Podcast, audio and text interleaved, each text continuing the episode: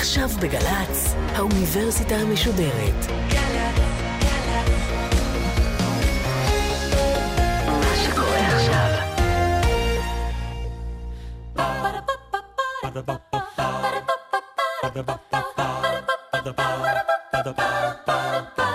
האוניברסיטה המשודרת מציגה מבוא ל עם קובי מידן, והסמסטר טקסטים מכוננים של הישראליות. והפעם שיחה עם הפרופסור יוסי גולדשטיין מאוניברסיטת אריאל על לא זה הדרך, מאת אחד העם. עורכת ראשית, מאיה גאייר. שלום רב לכם, אנחנו פותחים ממש עכשיו, בשמחה גדולה ובהתרגשות גם, את החלק השני, סמסטר נוסף בקורס שנקרא טקסטים מכוננים של הישראליות. בכל מפגש, בכל הרצאה, אנחנו ניפגש עם חוקר, נציג טקסט שתרם משהו בעיצוב של התודעה הישראלית, ואת החלק הראשון, לפני כמה חודשים, וסערה פוליטית אחת, פתחנו עם הטקסט של אה, בנימין זאב הרצל, באופן טבעי, אלט נוילנד. היום אנחנו פותחים את הסמסטר החדש, ועוברים מווינה אל העיירה היהודית של מזרח אירופה, מהרצל אל אחד ממתנגדיו הבולטים, אחד העם, אשר צבי גינצברג, שפרץ לתודעת התרבות העברית החדשה עם מאמר בשם לא זה הדרך. זה הטקסט שלנו היום, 1889, עיתון המליץ, כך זה נפתח במילים החגיגיות הללו.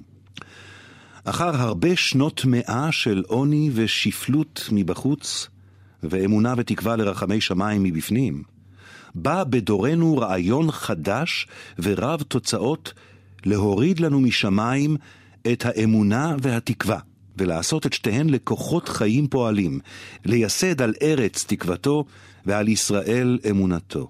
רעיונות היסטוריים כאלה נוצצים פתאום כמו מעליהם, כשהשעה צריכה לכך, מכניעים להם מיד את הלבבות הראויים לכך, ומהם נפוצים והולכים בכל העם מסביב כניצוץ הזה, שאוחז תחילה בדברים נוחים להתלהב, והולך ומתפשט. וכך זה ממשיך.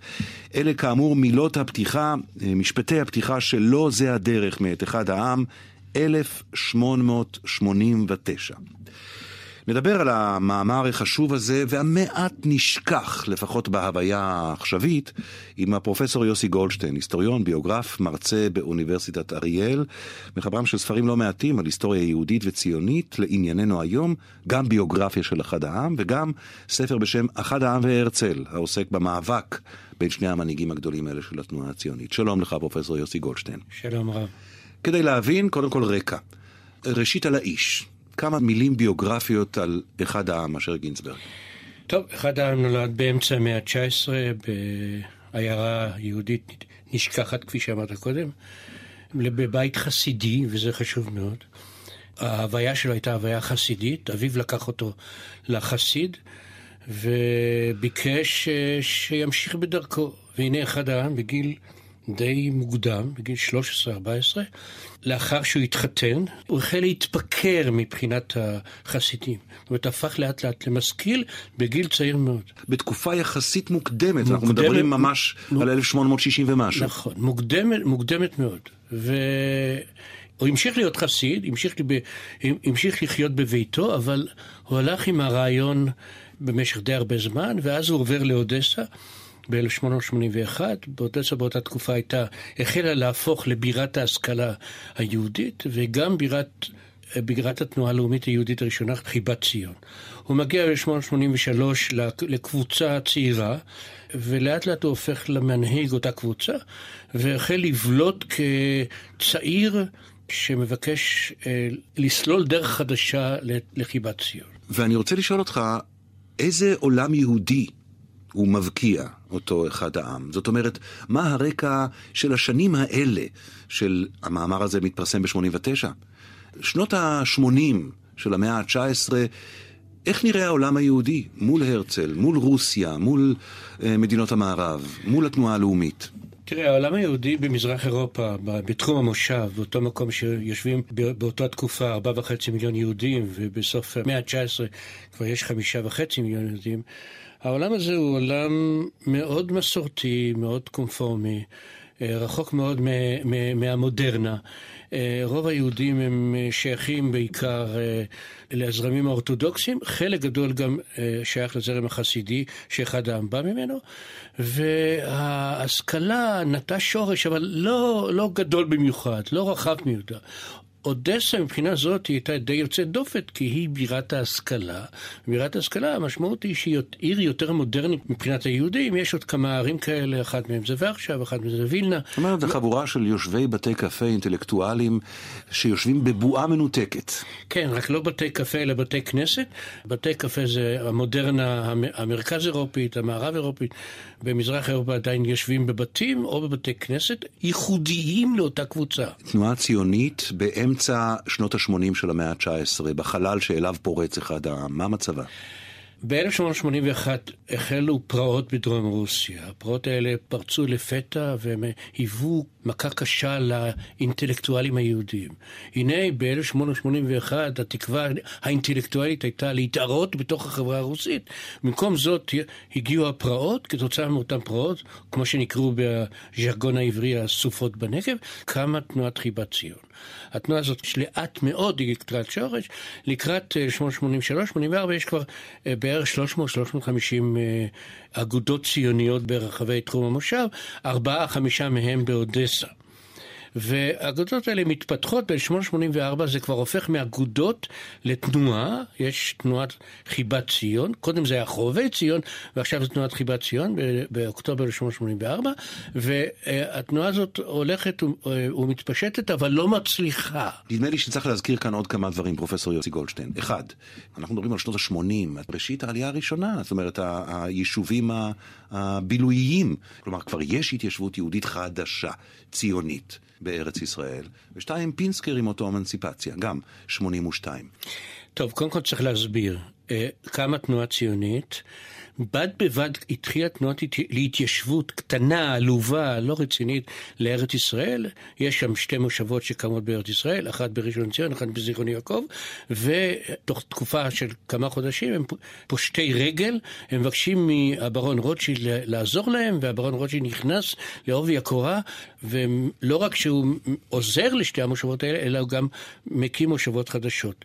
באופן לא אה, מכוון, שתי המושבות האלה הם כביכול... כביכול חלק מחיבת ציון, אבל הם לא חלק מחיבת ציון, כי תנועת חיבת ציון לא נכשלת בדרכה.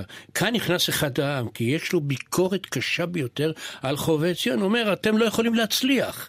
הרעיון שלכם ליישב את ארץ ישראל ולהקים אוטונומיה בארץ ישראל לכלל היהודים כפתרון לבעיית היהודים, כפי שלילינבלום, אחד ממנהיגיה, אמר, לא, זה לא נכון, זה לא הולך. אנחנו ב-1889, אחד העם מפרסם את המאמר הזה, המכה גלים. עכשיו, אני יודע שהיישוב היהודי בארץ ישראל הוא בן שבע שנים, החדש כמובן, מ-1882. כל תחילת מאמרו של אחד העם יוצאת מנקודת הנחה שמדובר במשבר של התנועה הציונית. ואני שאלתי את עצמי, שבע שנים? כבר משבר? והוא שואל את עצמו בכאב, ואת הקורא בכאב, למה זה קורה? למה רעיון, אומר, מילא רעיון ישן. אבל למה רעיון חדש כל כך כבר נכשל? ואז הוא מעלה שתי אפשרויות. אחת, הוא אומר, אולי זה בגלל הנדיב הידוע, רוטשילד שאתה הזכרת עכשיו, שהשחית את היישוב היהודי בארץ. ואולי זה בכס... בגלל כספי החלוקה. אותם כספים שאוספים אצל היהודים בגולה ומחלקים כאן ואנשים עומדים בתור וגם הם משחיתים את היישוב היהודי שלא מתרגל לעבוד, נאמר כך. אבל הוא אומר לא, זה לא אנשים, זה משהו יותר עמוק. כן, בהחלט, זה, זה לב העניין של אחד העם. הוא טוען, הוא קודם כל מציב את הבעיה. הבעיה הקשה של החברה היהודית שהיא לא מכירה בלאומיותה. החברה היהודית רוצה להיות חלק מהחברה הרוסית, מהחברה הגרמנית, מהחברה ההולנדית. העניין הוא שהיהודים לא מכירים בלאומיותם, לא מכירים עצמם כלאום בפני עצמו. זו הבעיה העיקרית. ולכן, מה שצריך עכשיו לעשות זה להביא את לבבות היהודים ללאומיותם, וכאן, מתוך המאמר אנחנו מבינים שייעודה של התנועה הלאומית היא לא להביא. ליישוב יהודים בארץ ישראל, אלא קודם כל להביא לכך שהיהודים יכירו בלאומיותם. זה תפקידה, זה לב העניין. אוקיי. Okay. רק אם אה, נצטט את מילותיו של אחד העם עצמו כשהוא מצביע על ה... על המשבר במאמר ושואל למה. למה זה קרה? אז ככה שני ציטוטים קצרים. הלא בהכרח, כותב אחד העם, תתעורר בנו השאלה הישנה, מה נשתננו אנחנו מכל אומה ולשון? או האומנם צדקו אלה מאחינו האומרים כי כבר חדלנו מהיות עם ואין אנו מקושרים עוד זה לזה אלא בחבלי הדת בלבד. איזה שאלות נוקבות. נכון, והתשובה שלו היא חד משמעית, אנחנו כן עם, אנחנו כן לאום, אנחנו רק לא מכירים בכך. ולמה אנחנו לא מכירים? כי היהודים במשך אה, אלפי שנות אה, גלות הסירו מעצמם את הלאום, השאירו עצמם כיהודים, כדת יהודית, וזה לא מספיק לפי אחד העם. עכשיו, לכן תפקידה של חיבת ציון הוא אחד ויחיד, להביא לכך שהיהודים יכירו בלאומיותם. ברגע שהם יכירו בלאומיותם, אז יישמו הלכה למעשה הרעיונות של חיבת ציון. בוא. אפשר יהיה לה, להקים בארץ ישראל את, את המדינה או את, ה, את מה שהם רוצים להקים. בואו בוא, בוא נרחיב קצת בעניין של להכיר בלאומיות, זאת נקודה מכרעת בעיניי, בטיעון של אחד העם עוד לפני הפתרון שלו. ונדמה לי שהוא קשור גם לימינו אלה. מה שאומר אחד העם, הוא אומר, אי אז כשחרבה אה, הלאומיות היהודית הישנה, כלומר חרב בית המקדש השני וכולי, אז הטעם של קיום המצוות בהשראת ההנהגה הרבנית, עבר ממצוות למען הכלל. והוא אומר, מה שקרה, שמאז אלפי שנים יהודים מקיימים מצוות לטובת עצמם, לטובת הפרט ולא לטובת הכלל, וההרגל הזה הפך לטבע. נכון, זאת אומרת, אני בהחלט מסכים לניתוח שלך, וזה הניתוח הנכון האומר שהיהודים בשלב זה, על פי אחד העם, הם חטאו לטובת ה... האני האישי, ושכחו שהעולם מורכב מחברה, מלאום, ולכן התפקיד הבסיסי של חובבי ציון זה לא להביא את היהודים לארץ ישראל. זה להביא קודם כל את היהודים להכרה שהם עם ככל העמים, העם היהודי. עכשיו, אני רוצה רק להסביר, כי בלעשות הדרך יש ביקורת נוקבת על דרכה העכשווית של חיבת ציון. הוא אומר, אם נלך בדרך של לילימלום וחבריו מחיבת ציון, ראשי חיבת ציון או פינסקר, נלך בדרכם הם, אנחנו לא נגיע לשום דבר, נגיע למה שקורה היום, למשבר. תנועת חיבת ציון ב-1884 מכריזה על עצמה כתנועה לאומית שתיישם הלכה למעשה מיד, לאלתר, את הרעיון של להקים בארץ ישראל יישוב יהודי. לאומי. זאת אומרת, הפרוגרמה של התנועה הציונית המרכזית בשנות ה-80 היא יישוב ארץ ישראל. נכון. והוא אומר, זה החטא שלכם. נכון. זאת הסיבה לכישלון, תסביר. נכון. הסיבה לכישלון היא בכך שאי אפשר ליישם הלכה למעשה את הרעיון הזה. מד... כמו שאמרתי קודם, מדוע? כי קודם כל צריך יהודים שיגיעו לארץ ישראל, אבל היהודים לא יגיעו לארץ ישראל אם לא יכירו בלאומיותם. זאת אומרת, יש פה איזושהי אה, לקונה שחייבים מיד למלא אותה. או במילים אחרות, הוא אומר, לפני שאתם עושים מגביות למען היישוב, לפני שאתם עוברים בין הקהילות ואומרים מי רוצה לעלות ליישב יישוב יהודי, תכשירו במשך שנים הרבה. את הלבבות ראשית. נכון, וכאן בעצם הוא אומר, אנחנו נייסד קבוצה אליטיסטית הוא קרא להם בני משה, משה בעיניו זה אחד המנהיגים החשובים. בני משה הייתה קבוצה, שרק, רק שנבין על מה מדובר, הם, הם שמונה אנשים בהתחלה, ובשיא שלהם זה, אני עוד לא יודע אם זה 170 או 160 או 150, וזה ירד לאט לאט לכמה עשרות. רבניצקי שם, ולילימדום שם, בשלב, שלנו כמובן ביאליק שם, ואחר כך ויצמן שם, זאת אומרת כל האליטה האינטלקטואלית הלאומית נמצאת בתוך זה, ולא רק זה, יש גם ביקוש גדול ולא את כולם מקבלים. אחרים. זה צריך להבין, בני משה זה, זה חבורה סודית, זה דומה מאוד לבונים החופשיים, ומי שרוצה להצטרף לשם יכול, צריך, צריך סיסמאות, קוראים לו בשם אחר, והם בני משה, הם יביאו להכשרת לבבות היהודים ללאומיותם. איך הם יעשו את זה? אנחנו נקים מרכז רוחני בארץ ישראל. המרכז הזה, הוא מתאר את זה כשמש. הוא יביא לכך שההשפעה של בני משה על היהודים תתחיל בארץ ישראל, אבל תימשך בגולה. וזה, אם, אם אתה רוצה אחר כך לקשר את זה להרצל, כאן בדיוק הנקודה המקשרת. תכף נגיע להרצל, אבל רק להבין את הרעיון. מה הכוונה מבחינה מעשית? נניח שדרכו של אחד העם הייתה מנצחת. אז בואו נעבור עשרים שנה קדימה, לראשית המאה, או לשנות העשרה של המאה, נתעלם לרגע ממלחמת העולם הראשונה. אז יש נגיד אוניברסיטאות ומרכזים דתיים בארץ ישראל, כי התנועה הציונית הקימה אותם, ומה קורה? תראה, לא נעים לי להגיד לך, דרכו ניצחה, פחות או יותר. הוא טען שאי אפשר ליישם את הרעיון של הרצל להביא את כלל, או לילינבלום, להביא את כלל היהודים לארץ ישראל. הקים מדינה לכלל היהודים, וכל היהודים יגיעו אליה. ולפחות ברמה של היום, ברמה המספרית של היום, הוא עדיין המנצח הגדול בינו לבין הרצל. עכשיו, מה הוא טוען? הטענה הייתה פשוטה מאוד. אנחנו נקים מרכז רוחני, והוא הגדיר בדיוק מה זה מרכז רוחני, ואתה אמרת, חלק ממנו אוניברסיטאות, בתי ספר, אה, פמפלטים, אה, ספרות, כל מה שקשור בתרבות העברית, תהיה, לב, הלב יהיה בארץ ישראל. מכאן תצא תורה, והתורה תצא לכלל, לכלל החברה היהודית. כאשר החברה היהודית בחוץ לארץ, מחוץ לארץ ישראל, תקלוט את מה שאנחנו רוצים שהיא תקלוט, היא תגיע לארץ ישראל בסופו של דבר. לכן הוא לא שולל את הרעיון של להקים מרכז בארץ ישראל, מרכז לכלל היהודים, מדינה ליהודים. רק הוא אמר, יש פה מצב שבו זה, זה לא אפשרי ברגע זה. ראשית, אני רוצה לשאול אותך עכשיו, איך התקבל המאמר הזה? הוא מתפרסם מאמר לא ארוך במיוחד. כל, כל אדם סביר אז יכול לקרוא אותו מבחינת הדובר עברית כמובן, למרות שהוא התפרסם לא רק בעברית. איך, איך הוא התקבל? האם הוא עשה רושם? האם הוא עורר סערה? דיון? תראה, אחד העם הוא אינטלקטואל אה, חכם, והמאמר שלו עורר עדים עצומים. למה? כי הוא ביקר כאן שני דברים. א', הוא ביקר את הברון בצורה כזו או בצורה אחרת, וב', הוא ביקר את דרכם של חובבי ציון.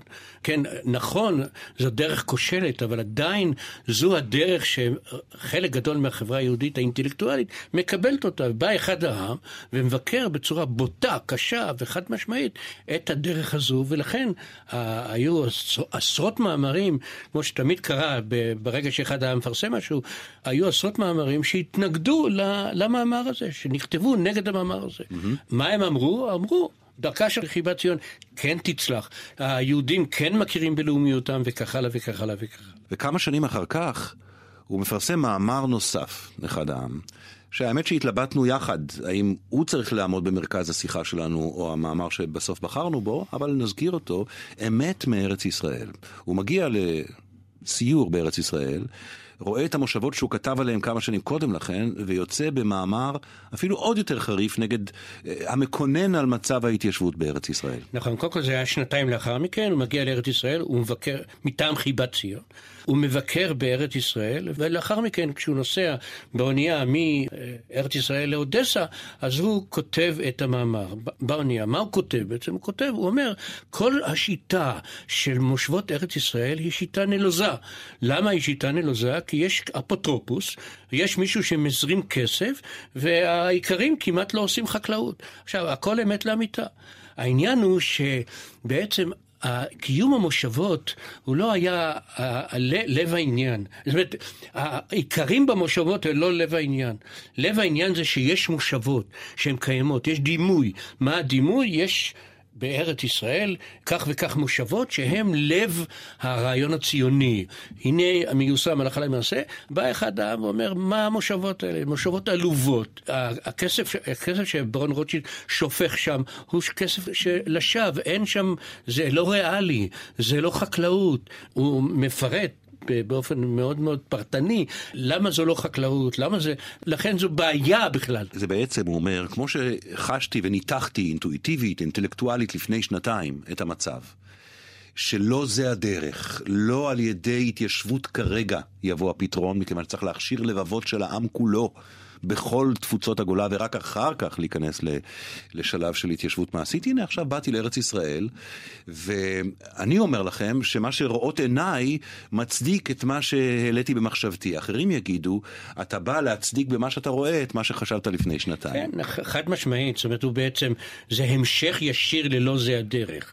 אם לא זה הדרך, הייתה ביקורת לתנועת חיבת ציון, בא עכשיו המאמר הזה, וזה ביקורת על הנעשה בארץ ישראל, והם קשורים אחד לשני. אתה יודע, עלה בדעתי יוסף חיים ברנר, שיגיע כמה שנים אחר כך לארץ ישראל, אחרי שנות התשעים של המאה ה-19, וכשהוא מתבונן על המושבות, אותן מושבות שמתבונן עליהן אחד העם, הטקסטים שלו, הביקורתיים, הסאטיריים, הצולפניים מאוד, המיואשים, מזכירים את המסקנות של אחד העם. נכון, ולמה הייתה ביקורת כל כך קשה על אמת מארץ ישראל? הביקורת הקשה הייתה, מה אתה עושה לנו עכשיו? אנחנו כולנו יודעים מה המצב. אנחנו יודעים שהברון רוטשילד שופך מאות אלפי פרנקים, עשרות אלפי פרנקים מדי שנה, ונותן, ל, ל, מחזיק את המושבות, מחזיק את העיקרים במושבות. אתה בא ואומר, אה, בעצם, הכל השווא, אין טעם כל המושבות האלה. יותר מזה, אתה שובר שתיקה, רוטשילד יפסיק את הסיוע שלו. נכון, נכון, mm. וזה הייתה אחת הביקורות. הרי, וכאן בעצם אומרים לאחד העם, נכון, אנחנו מכירים את המצב, אתה צודק. אבל אתה מבקר, מבקר במקום הלא נכון. באמת, בשלב הזה אי אפשר שלא לדבר על הפיל בחדר. אה, בנימין זאב הרצל. קודם כל, תשים לי את זה, נניח אנחנו מדברים על ראשית שנות ה-80, על ציר הזמן. כאשר הפעילות של חובבי ציון מתחילה, כאשר הפעילות של אחד העם מתחילה, אפילו עוד לפני המאמר הזה, איפה עומד הרצל בקריירה, במרכאות שלו? קודם כל, הרצל בשנות ה-80 הוא סטודנט למשפטים באוניברסיטת וינה, לאחר מכן הוא עיתונאי מאוד מאוד חשוב בנוי אפראי פרסה, ורק בשנות התשעים, כשהוא בצרפת, הוא מתחיל, כעיתונאי המרכזי בפריז, הוא מתחיל להבין שיש בעיה ליהודים. רק בשנות? רק ב-1894, זאת אומרת, עשר שנים לאחר שאחד העם נכנס לתוך זה, רק אז הוא זה. כלומר, כאשר מגיע האדון הרצל ממערב אירופה, ומביא את הטקסט שלו לחבר'ה של מזרח אירופה, הם מרגישים גם, אנחנו היינו כאן קודם. הם לא מרגישים, הם טוענים כנגדו בצורה חריפה ביותר, אדוני, אנחנו היינו. עכשיו, הרצל בעצמו מגלה לפתע, הוא כתב ביומן שלו, אם הייתי מכיר את אוטו-אמנציפציה של פינסקר, לא הייתי כותב את מדינת היהודים. כי באמת, באוטו-אמנציפציה של פינסקר שנכתבה ב-1883, יש את אותם רעיונות. הדבר היחיד שאולי מבדיל, שפינסקר אומר, או ארץ ישראל, או ארצות הברית. והרצל אומר, או ארץ ישראל או ארגנטינה. זאת אומרת, אנחנו רוצים מרכז, טריטוריה, לא חשוב מה, כדי לפתור את בעיית היהודים. כלומר, וסלח לי שאני מוריד את הדיון לרמה הכה אישית הזאת, אבל אנשים גם הם עושים היסטוריה. כמה מהמאבק, שתכף נרחיב בו, ההיסטורי, הכל כך אה, אייקוני, בין אחד העם לבין הרצל, היה גם מריבה על קרדיט. קודם כל צריך להבין, הייתה חיבת ציון שנכשלה. בא הרצל 13 שנים לאחר הקמת חיבת ציונה, והקים את התנועה הציונית. התנועה הציונית הצליחה בצורה דרמטית, ובעצם חיסלה את חיבת ציון. עכשיו, אחד העם בשנות ה-90 הופך לאיש המרכזי בחיבת ציון. בא הרצל, למעשה מדיח אותו, הוא הופך לאיש המרכזי בתנועה הציונית. אחד העם נאלץ להתחבר לתנועה הציונית, כי הציונים מרוסיה מתחילים להריץ את הרצל, ולא את אחד העם, או לא את, לא את חיבת ציון. אז יש פה מאבק פוליטי מאוד מאוד ברור וחד משמעי. אבל יש כאן גם מאבק אה, אידיאולוגי, מאבק של בין ציונות אחת לציונות אחרת. אתה מדבר על מאבק אידיאולוגי, על מאבק פוליטי, הייתה גם יריבות אישית? בהחלט, בהחלט, יש יריבות קשה בין אחד העם להרצל. עכשיו, מתי זה חשוב, מתי זה בא לידי ביטוי?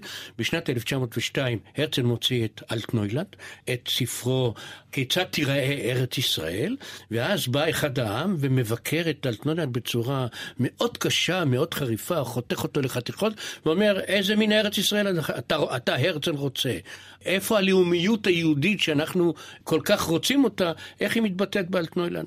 וכאן, שוב פעם, יש מאבק אידיאולוגי, כמו שכתבתי בספרי האחרון, שזה מסווה למאבק תרבותי-חברתי בין ה Ostjuden וה Westjuden, בין מערב אירופה, שבעצם הרצל זה מרכז אירופה, לבין מזרח אירופה. וגם בין רעיונות יותר קוסמופוליטיים, נגיד הרצל, לבין רעיונות יותר פרטיקולריים של אחד העם? בהחלט. יש פה, יש פה כמה הבדלים. קודם כל יש הבדל באידיאולוגיה.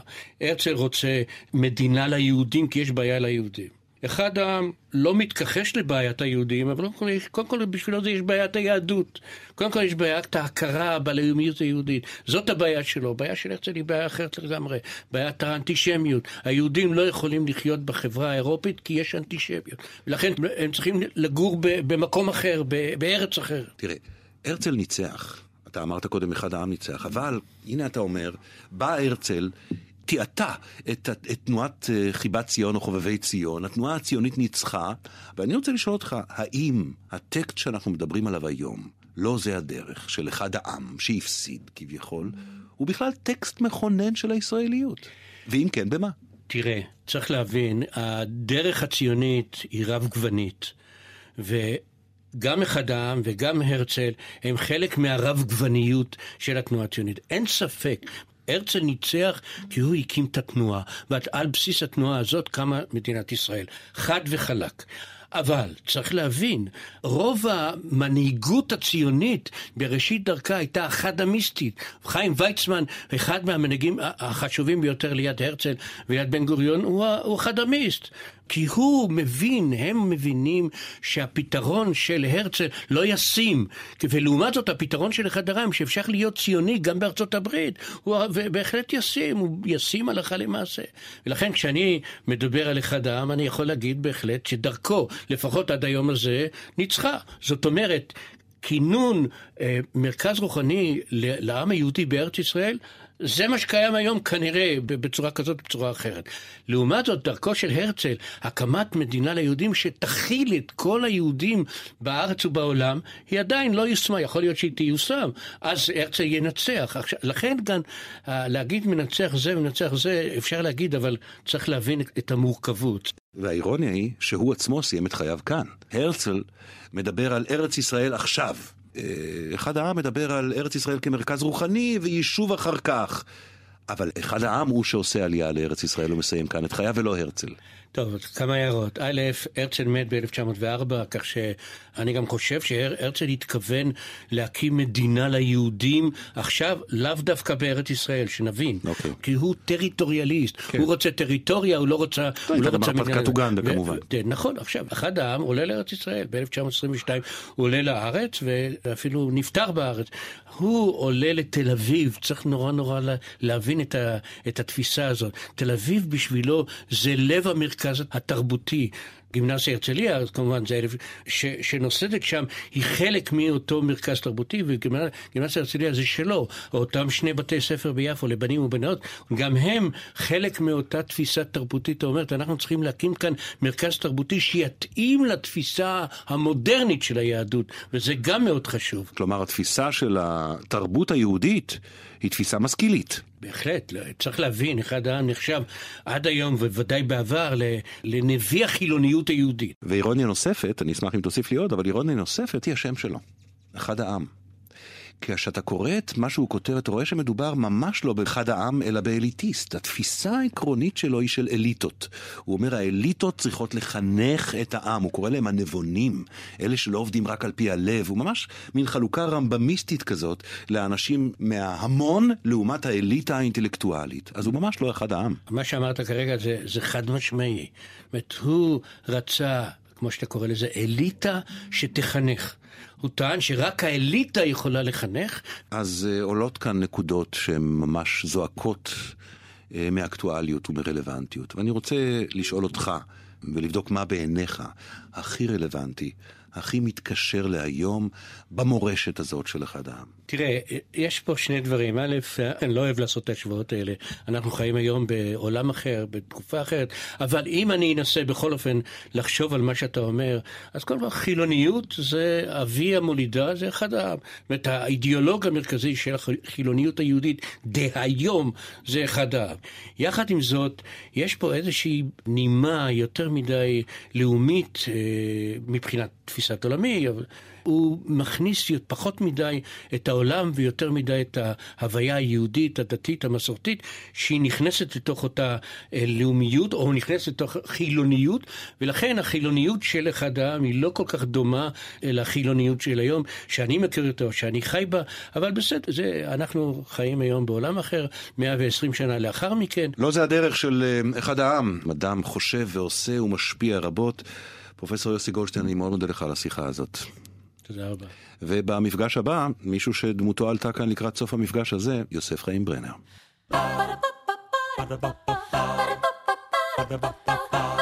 Ba-da-ba-ba-ba האוניברסיטה המשודרת, מבוא ל...